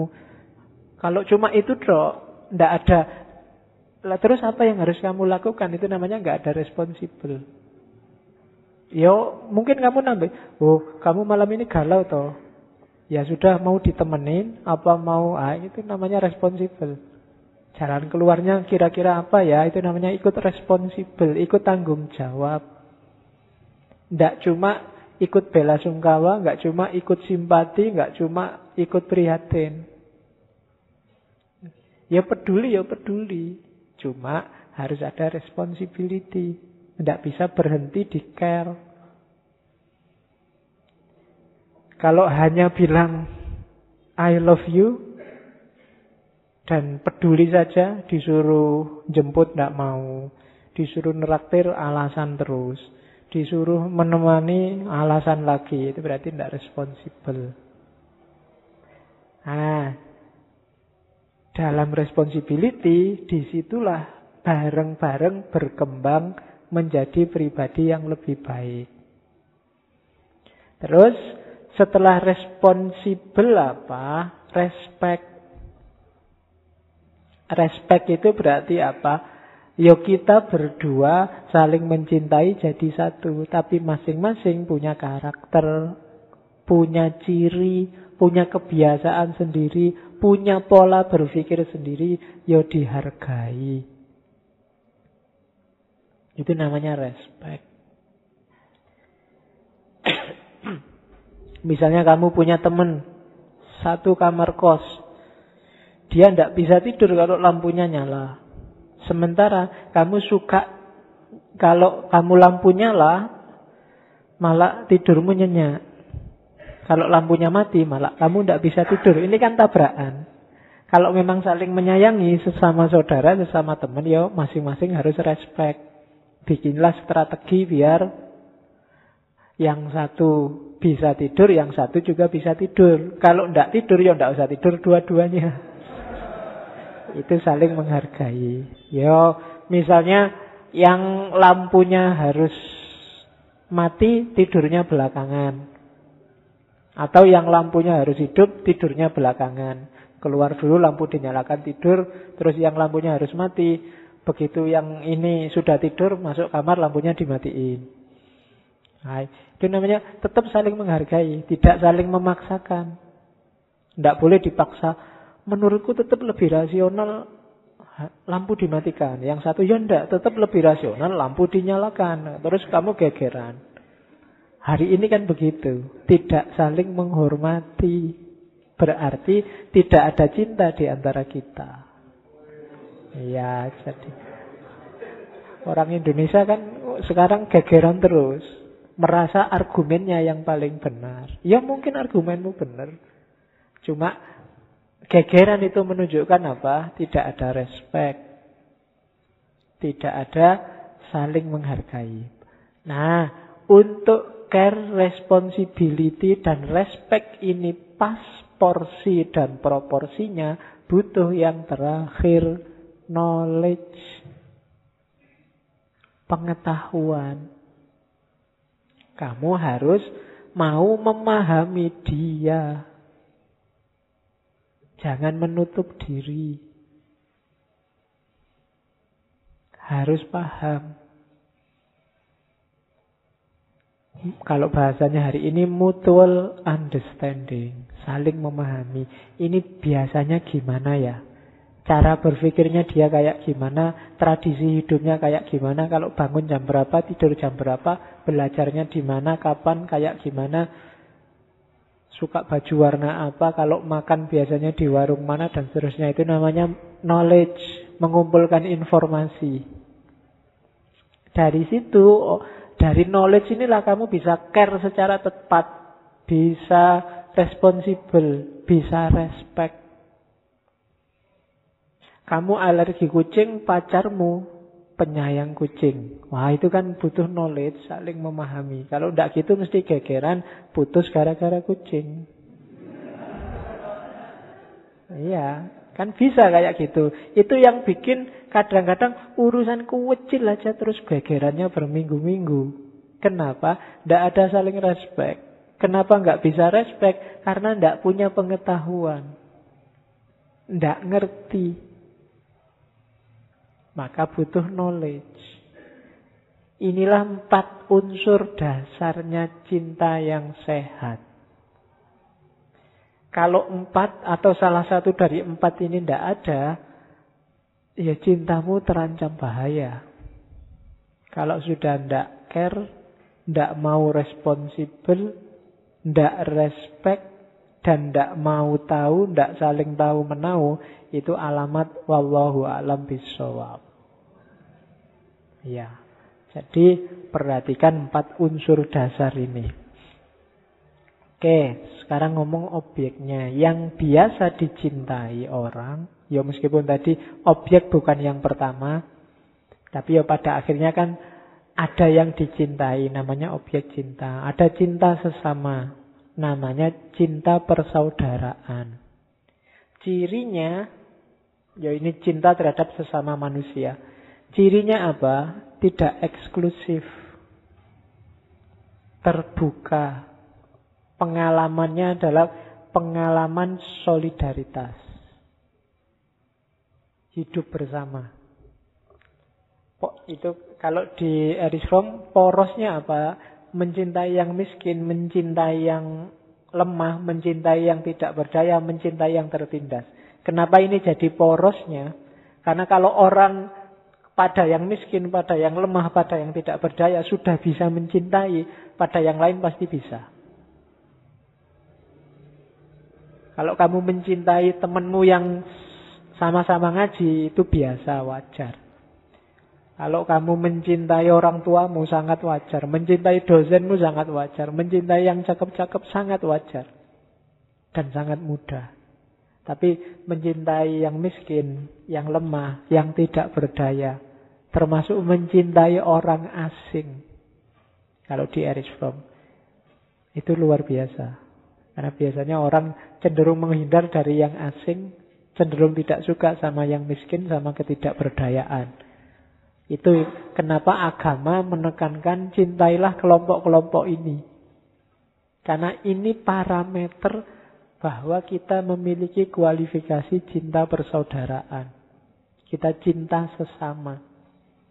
Kalau mencintai orang kaya itu gampang, mencintai artis itu mudah mencintai temanmu yang selevel itu mudah. Tapi yang lebih miskin, lebih tidak berdaya, lebih asing itu agak susah. Maka porosnya itu.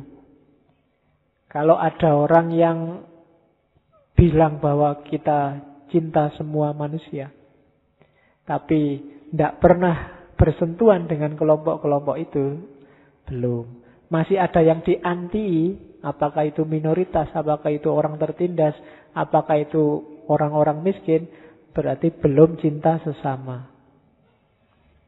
Jadi masih cinta yang egois. Masih cintaku untuk kelompokku dan demi kelompokku. Belum cinta persaudaraan.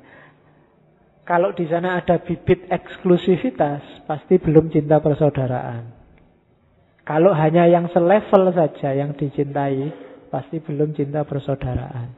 Jadi cinta sesama itu cirinya lenyapnya eksklusivitas dan porosnya mencintai yang miskin, yang tidak berdaya dan orang asing. Kalau ada bule jalan-jalan di sini dan kamu menghindar-hindar nggak mau bersentuhan, itu berarti belum, kamu belum cintanya universal. Kalau begitu lihat Cina, terus kamu ah itu orang A itu berarti belum. Masih ada diskriminasi di pikiranmu. Begitu lihat orang Yahudi, begitu lihat orang Amerika, begitu lihat apalah yang kamu tidak suka, terus kamu sisihkan dia sebagai bukan kelompokmu, seolah-olah dia bukan manusia juga, maka kamu tidak ada di level cinta persaudaraan. Dan orang yang tidak punya kualifikasi cinta persaudaraan ini, dia bukan tipe pecinta. Berarti cintanya hanya untuk kelompok tertentu, orang tertentu. Ini masih egois. Bukan cinta yang sejati. Makanya itu dia punya quote, just as love for one individual, which exclude the love for others, is not love. Love for one's country, which is not part of one love for humanity is not love, but idolatrous worship. Sebagaimana cinta pada satu orang yang mem, yang tidak mencintai semua orang yang lain itu bukan cinta, maka cinta hanya pada satu negara yang menegasikan semua negara yang lain, semua manusia yang lain itu juga bukan cinta, tapi idola terus worship, penyembahan, idola-idola, Tuhan-Tuhan yang baru. Untuk tidak jadi Tuhan baru, cintanya harus rata untuk semua makhluk. Eksklusivitas itu menunjukkan ada yang dipertuhankan selain Tuhan. Yaitu apa? Kelompokmu, dirimu sendiri, egomu, pikiranmu, cita-citamu. Ketika ada yang dipertuhankan selain Tuhan, itu dalam agama namanya musyrik. Jangan salah, jangan-jangan kamu nuduh-nuduh orang kafir ternyata kamu sendiri musyrik. Kenapa? Ada yang kamu pertuhankan. Dari mana kok tahu ada yang dipertuhankan selain Allah? Kamu milih-milih yang dicintai. Ada yang kamu cintai, ada yang tidak kamu cintai. Satu orang ini kamu cintai, yang lain tidak. Negaramu ini kamu cintai dan sama negara lain biar aja hancur. Itu namanya bukan cinta. Fanatisme. Fanatisme itu idolatrous worship. Jadi kebertuhanan, penyembahan idola-idola, pemberhalaan. Kamu sedang menyembah berhala yang namanya pikiranmu, yang namanya kelompokmu, yang namanya organisasimu. Entah kamu sadar apa enggak. Jadi jangan-jangan hari ini kita semua itu musyrik. Meskipun kamu tiap hari mencermati kiri kananmu siapa yang kafir, siapa yang belum.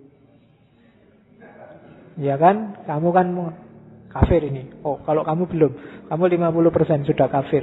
Kalau ini 25% kafir kan tiap hari kita sibuk ke situ. Jangan-jangan sebenarnya kita sudah musyrik duluan. Kita menyekutukan Allah, memberhalakan konsep kita, pikiran kita, pandangan kita, organisasi kita, dan seterusnya. Terus, objek cinta yang kedua adalah motherhood love, cinta gaya ibu. Ya bahasanya cinta keibuan. Cinta keibuan ini parameter yang paling kasat mata cinta yang tanpa syarat. Ibu itu tidak pernah nagih syarat apa pun untuk mencintaimu. Balasan satu-satunya untuk cintanya ibu adalah kebahagiaanmu. Ibumu tidak pengen kamu kasih apa. Tapi dia pinginnya cuma kamu bahagia. Dan jangan salah katanya Erich Fromm. Selain cinta yang tanpa syarat. Cinta ibu pada anaknya itu cinta yang sakit sebenarnya. Sakit dalam arti tadi kan eksistensial itu Orang takut perpisahan. Orang takut kesepian, takut dipisah dari yang dicintai. Tapi seorang ibu harus mau menyapih anaknya, misah anaknya dari dirinya demi kemandirian, demi kebahagiaan anaknya. Oh itu sakit. Jadi orang cinta itu kan cenderung ayo kita bersatu terus. Tapi justru dalam cinta keibuan, kamu harus misah dari aku. Kalau tidak misah, kasihan kamu nanti nggak mandiri, nggak bahagia, nggak bebas, nggak bisa jadi manusia. Padahal secara eksistensial tadi orang butuh untuk tidak dipisah. Kesepian, keterpisahan ini kan bikin stres, menyakitkan. Tapi seorang ibu dalam cintanya justru disuruh berpisah sama anaknya. Demi kebahagiaan anaknya. Nah itu, ini Salah satu contoh cinta yang tanpa syarat. Ini antitesis dari cinta erotis, cinta romantik. Kalau cinta erotis itu, ya kayak kamu pacaran tadi, dua orang jadi satu. Tapi cinta keibuan itu satu orang harus jadi dua. Kebalikannya.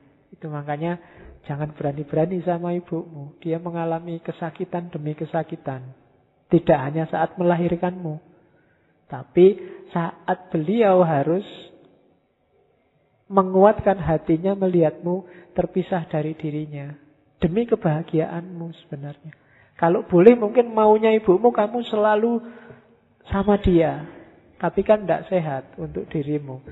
Maka dia mengorbankan rasa sakitnya berpisah dengan dirimu. Makanya bagi yang rumahnya jauh, tidak kumpul sama ibunya, sempatkanlah pulang. Ibumu mesti bahagia luar biasa. Ya kan kamu dapat untung banyak kalau pulang itu. Ya.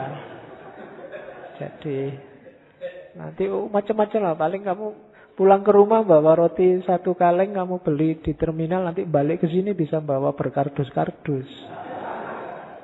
Iya. Dan Pasti ibumu bahagianya luar biasa saat kamu pulang.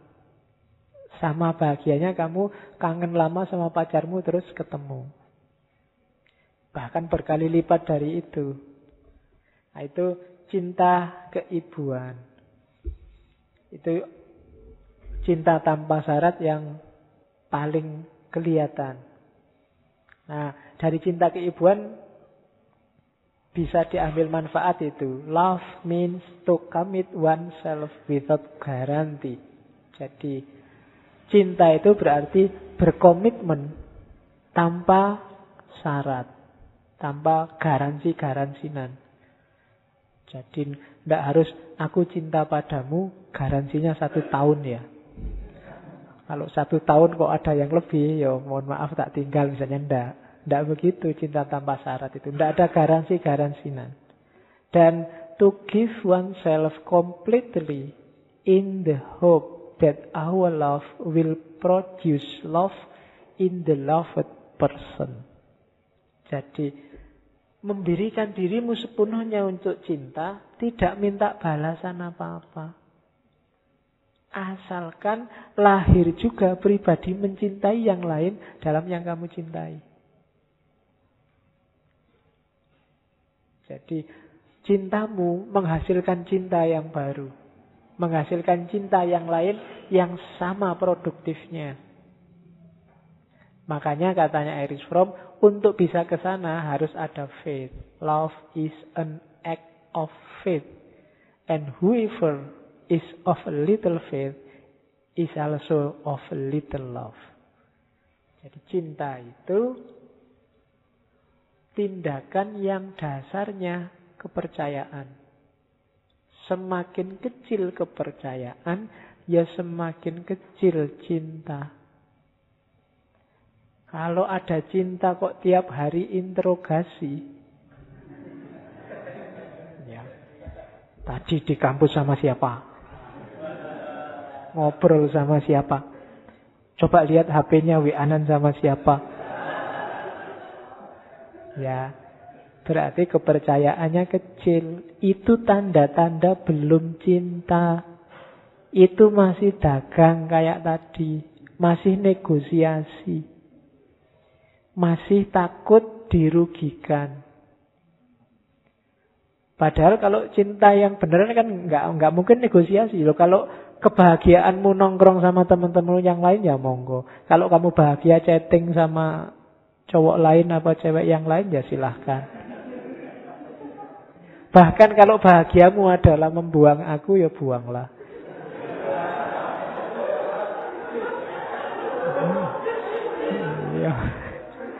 Oke. Wong kamu belum nembak sudah dibuang kok. Ya. Jadi act of faith. Perilaku mempercayai. Pokoknya kalau isinya hanya interogasi, berarti kepercayaannya kecil, cintanya juga kecil, maka jangan kaget kalau tidak lama sudah bubar. Karena curiga terus. Nanti naik bis dicurigai sama kondekturnya, sama naik kereta dicurigai sama masinisnya. Diajar dosennya, dosennya cowok apa cewek. Ya. Kok dosennya kamu liatin terus? Lah ya dosennya nggak diliatin ya nggak paham. Saya curiga terus. Nah, berarti tidak ada faith di situ. Love is an act of faith. Oke, ya kayak ibu tadi loh. Ibu itu kan yang penting kamu bahagianya kayak gimana wis. Bahkan termasuk meninggalkan ibu. Ibumu rela sakit. Terus ini yang tidak harus saya jelaskan banyak, cinta erotis. Ya. Dari erotis itu kata dasarnya Ya. Lebih paham. Kata dasarnya itu eros maksudnya bukan erot. Ya. Oke, cinta erotis itu ya manifestasi tadi, ketakutan untuk keterpisahan, mendambakan peleburan. Cinta erotis inilah yang nanti karakternya memang eksklusif, tidak universal. Kalau cinta persaudaraan tadi universal, tidak eksklusif, jangan dibalik. Itu loh. Kalau cinta erotis, ya harus eksklusif dong. hanya engkau. Jangan, oh ndak harus kamu dok, cintaku universal ini, semuanya juga ndak. Untuk urusan yang erotis, sifatnya memang eksklusif. Dan ini nggak bisa ditipu. Kamu ndak bisa, ndak kok pak, semua saya cintai, ndak. Secara erotis, di antara banyak, ini kan kamu cintai semua, pasti ada satu yang spesial. Yang di situ ada hasrat erotisnya. Kamu akui apa tidak kamu akui.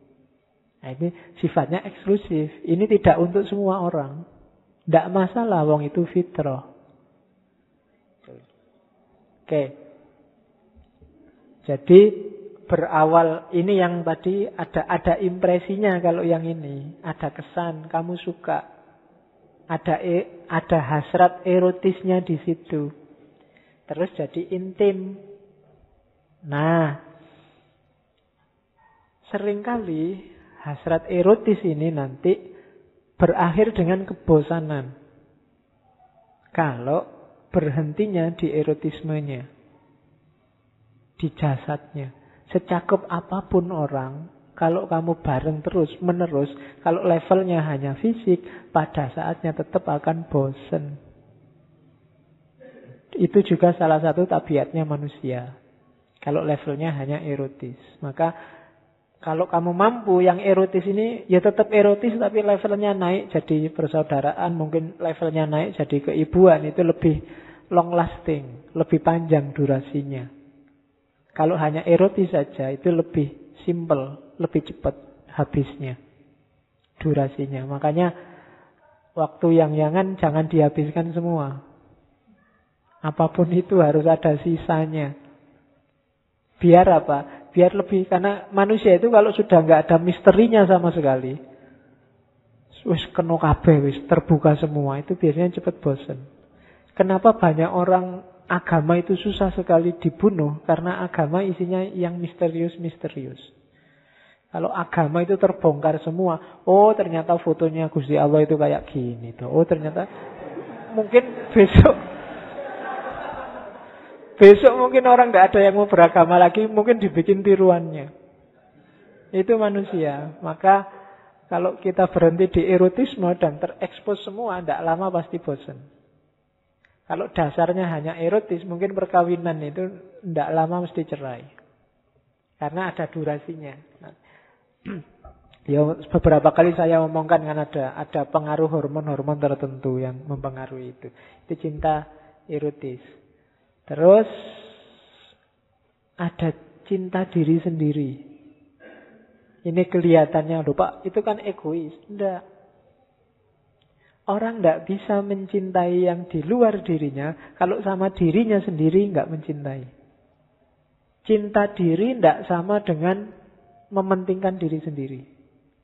Katanya Erich Fromm, orang yang mementingkan dirinya sendiri itu justru menunjukkan dia tidak cinta dirinya. Kenapa? Kalau dia cinta dirinya, dia paham hakikat eksistensialnya yang butuh orang lain. Orang yang mementingkan dirinya sendiri sebenarnya dia sedang menyiksa dirinya. Karena orang itu menemukan kebahagiaannya dalam hubungannya dengan orang lain. Dalam membahagiakan orang lain. Dalam mencintai orang lain. Kalau dia egois, mementingkan dirinya sendiri, sebenarnya dia tidak cinta dirinya sendiri.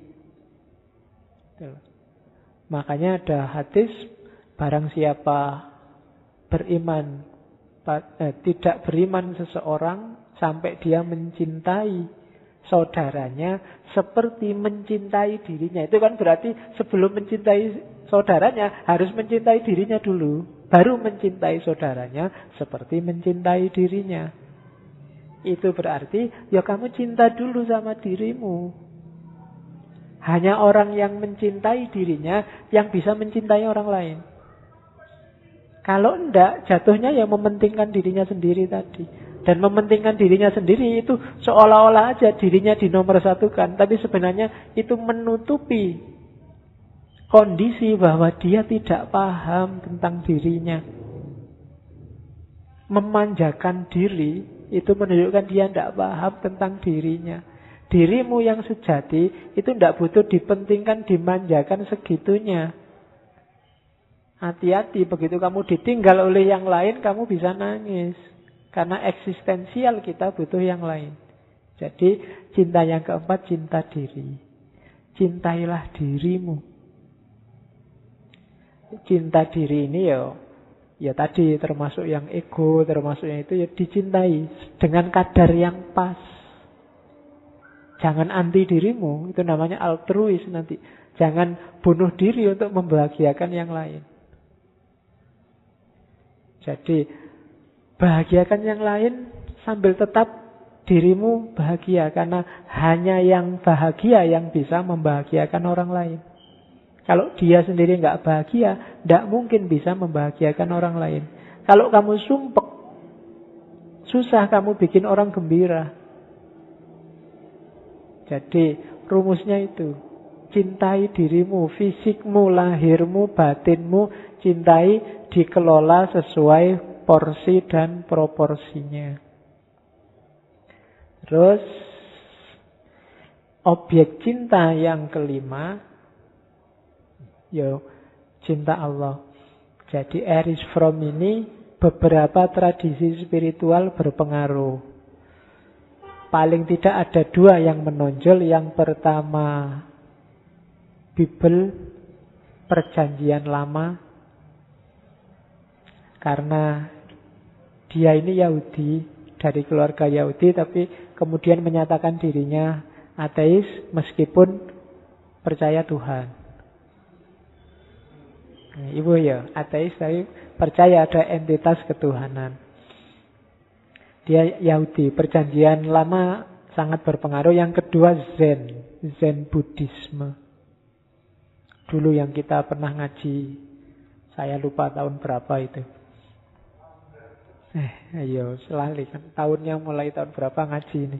Kita akan pernah ngomong satu sesi Zen Buddhisme itu sangat mempengaruhi di Erich Fromm. Maka bagi dia ada satu lagi jenis cinta, cinta yang coraknya spiritual. Namanya cinta ketuhanan. Jadi cinta ketuhanan inilah modusnya agama.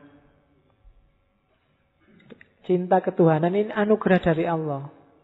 Allah itu mencintai kita, kemudian menganugerahkan cinta dalam diri kita, dan kita menyambut cinta Allah itu dengan namanya iman.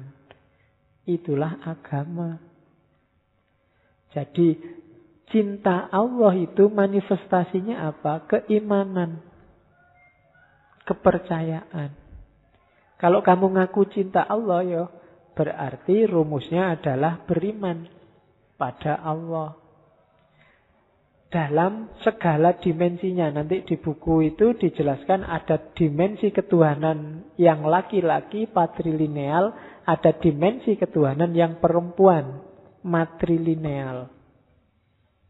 Jadi Allah yang maha tegas, Allah yang maha mengadili, Allah yang maha kuasa, itu dimensi laki-laki, dimensi patrilineal. Sementara Allah yang mengayomi, Allah yang melindungi, Allah yang membimbing, itu dimensi matrilineal. Masing-masing main sesuai porsinya. Kita harus pinter-pinter memposisikan Allah ini sedang dalam posisi apa. Mainnya sedang di posisi mana. Jangan keliru. Kalau kamu dosamu sudah sangat banyak, dan kamu merasa apa ya aku diterima, yakinlah bahwa Allah pasti maha pengampun. Nah, itu berarti mainkan dimensi matrilineal. Tapi kalau kamu sedang serius mau ibadah, ya yakinlah bahwa Allah itu adil. Kalau kamu waktu mau ibadah tidak mengedepankan keadilan Allah, mungkin ibadahmu jadi males. Allah ibadah nggak ibadah kan nanti sama aja. Kalau yang nggak ibadah diampuni Allah levelnya sama kayak aku yang nggak ibadah. Tadinya males kamu. Jadi harus pas. Misalnya ngaji ini, dalam ngaji ini kira-kira Allah itu ada di posisi mana? Dia sebagai pengayom, pelindung, apa sebagai penyiksa, apa sebagai... Harus jelas. Kita sering keliru dalam memposisikan mainnya Allah ini. Harusnya kita pas hati-hati yang kita kedepankan keadilannya Allah, Eh malah kita kedepankan pengampunnya Allah. Akhirnya Allah sholat nggak sholat ya ndak apa-apa. Allah itu maha pengampun, tenang aja. Nah itu salah posisi berarti. Salah kita memainkan posisinya Allah.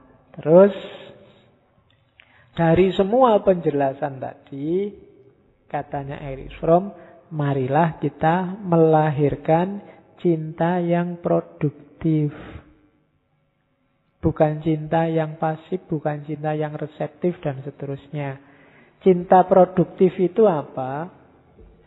Cinta produktif itu yang pertama apa? Menggeser modus memiliki menjadi modus menjadi.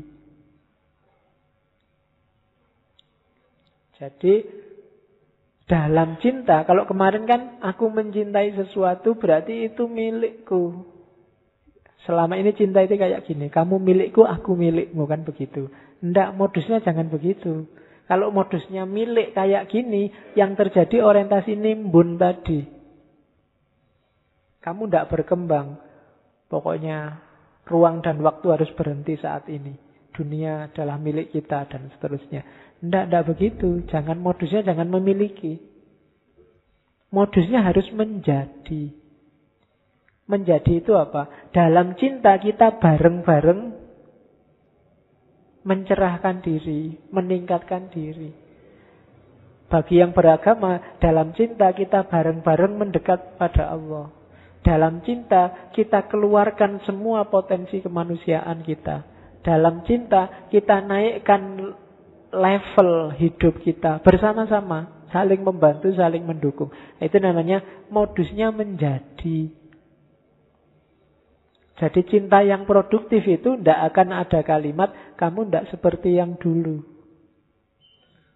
Harus berubah. Cuma berubah yang lebih baik. Semakin kamu sadar, semakin kamu sadar, semakin kamu baik. Nah, itu modusnya menjadi. Ya meskipun hati-hati karena kadang-kadang begitu sadar kamu ditinggal. Ya. Wah, baru sadar aku kok mau-maunya aku sama kamu dulu. Nah, itu berarti ya ndak apa-apa, ditinggal kan ndak apa-apa. Tidak ada hubungannya sama tinggal meninggal. Kamu kalau kamu stres ditinggal berarti kemarin cintamu modusnya masih modus memiliki. Ya, tidak membedayakan. Kadang-kadang dengan modus menjadi oke okay, kita tetap saling mencintai tapi tidak bareng lagi sudah. Dengan tidak bareng ini kualitas hidup kita semakin meningkat. Tidak apa-apa. ya. Jadi itu cinta produktif. Syaratnya apa? Cinta produktif itu mandiri, bebas, tapi kritis. Bebas tidak asal bebas. Mandiri itu apa? Menghargai individualitas masing-masing. Jangan saling meng, apa, menaklukkan, mengsubordinasi. Nyetir, berusaha menang-menangan, saling memperbudak. Itu berarti cintanya tidak mungkin produktif. Setelah itu bebas. Bebas dalam arti bebas mengembangkan diri, jangan mandek. Kita itu manusia. Manusia itu bukan tidak kersum, bukan tidak sempurna, tapi selalu menuju kesempurnaan. Jangan sampai gara-gara cinta kita mandek. Harus tetap berkembang. Ajaklah pasanganmu dalam cinta untuk mengembangkan diri. Dan untuk tidak ngawur kemandirian dan kebebasan itu harus ada nalar yang kritis. Kenapa harus ada nalar yang kritis? Karena kadang-kadang ada orang yang bilang cinta itu buta. Karena cinta, orang terus tidak ngerti salah, nggak ngerti benar, nggak ngerti hitam, nggak ngerti putih. Kan itu cinta, Pak. Everything is fair in love and war. Itu pepatahnya orang barat. Kalau urusan jatuh cinta, segalanya bisa. Oke, cinta ditolak, dukun bertindak, Pak. Ah, itu enggak. Iya, enggak ada nalar kritis di situ nalar kritisnya harus tetap jalan. Tidak boleh dibutakan oleh cinta. Tidak boleh kalau cinta sudah melekat, tai kucing rasa coklat. Nggak boleh begitu. Kalau nalarnya kritis ya, sedalam apa pun cinta ya tai kucing ya tai kucing. Ya, tidak boleh karena aku cinta padamu ini meskipun tai kucing rasanya kayak coklat. Tidak. Jadi parameter cinta tidak cinta bukan itu. Jadi harus ada nalar yang kritis. Kemudian kalau sudah mandiri, bebas, kritis, baru aktif. Aktif itu kok bukan aktif pacaran sambil lari-lari, pacaran sambil olahraga, enggak. Tapi dengan kamu berdua, yang tadi kerjasama saling menjadi bukan saling memiliki, mengoptimalkan potensimu, mengeluarkan semua kapasitasmu yang baik-baik. Jangan salah ya, cinta itu energinya besar luar biasa. Kalau kalian bisa memanfaatkan energi cinta ini jadi kekuatan yang produktif, hasilnya juga luar biasa. Yang punya pacar mesti ngerti, yang belum punya dibayangkan dulu. Kadang-kadang energi ini sia-sia. Hanya untuk mungkin seneng-seneng aktivitas yang tidak penting. Padahal kalau mau berdua saling mendukung, saling mengetatkan diri masing-masing untuk mengoptimalkan potensi-potensi yang kita miliki, akan lahir banyak produktivitas-produktivitas yang bermanfaat untuk kenaikan level kita. Jadi cinta usahakan aktif dalam produktivitasnya. Dan ringkesnya apa? Cinta produktif itu berarti modusnya menjadi, menjadi apa? Diawali dari membentuk diri jadi pribadi yang merdeka. Kemudian kemerdekaan yang melahirkan kebebasan itu diimbangi oleh akal, budi, ya kan? Jadi nalar kritisnya harus jalan, kemudian diorientasikan tadi orientasinya memberi, Ketika orientasinya memberi, hasilnya pasti produktif.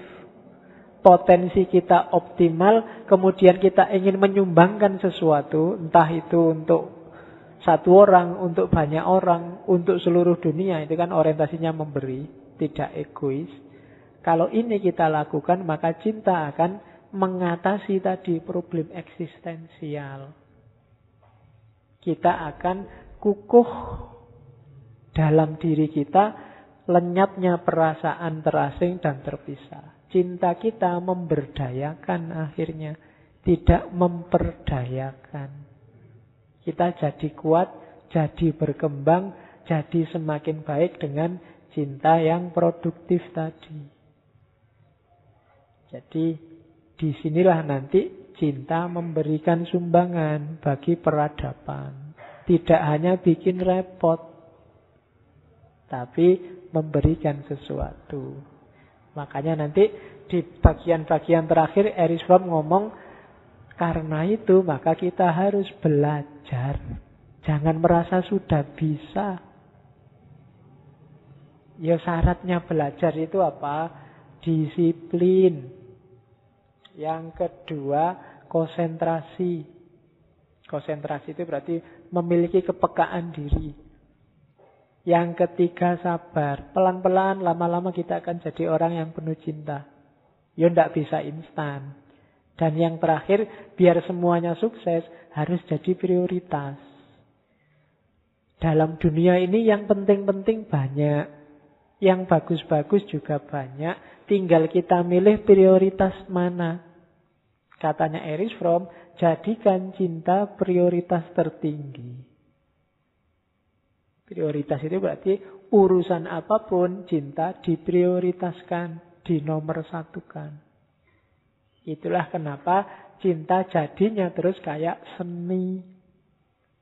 Yang tidak bisa ujuk-ujuk dimainkan. Harus dipelajari dulu sebelum dipraktekkan.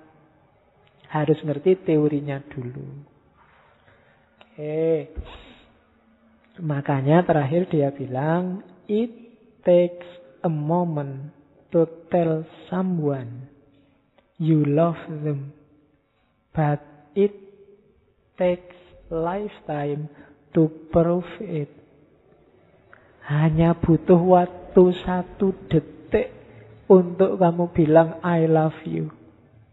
Tapi butuh waktu seluruh hidupmu untuk membuktikannya. Jadi hati-hati dengan resiko I love you. Makanya tadi kalau ada yang bilang aku jatuh cinta padamu, suruh pulang dulu, dipikir dulu. Karena resikonya panjang. Butuh lifetime to prove it. Butuh seluruh hidup kita untuk membuktikannya. Tidak ada batas akhirnya. Karena cinta juga tidak ada batas akhirnya. Hanya demi kebahagiaan yang dicintai. Oke, Alhamdulillah. Harris From sudah selesai. Minggu depan kita ketemu ke timur ya. Kalau ini gaya barat, cara orang barat menjelaskan cinta. Aspek rasionalnya pasti sangat menonjol. Dua minggu terakhir nanti kita ngomong ke timur, kita ngomong ke dunia tasawuf. Aspek intuitifnya lebih menonjol. Minggu depan kita ketemu Robiah Adawiyah dan minggu terakhir kita ketemu Jalaluddin Rumi. Oke, saya kira itu kurang lebihnya mohon maaf. Wallahul muwafiq, wallahu a'lam bisawab. Wassalamualaikum warahmatullahi wabarakatuh.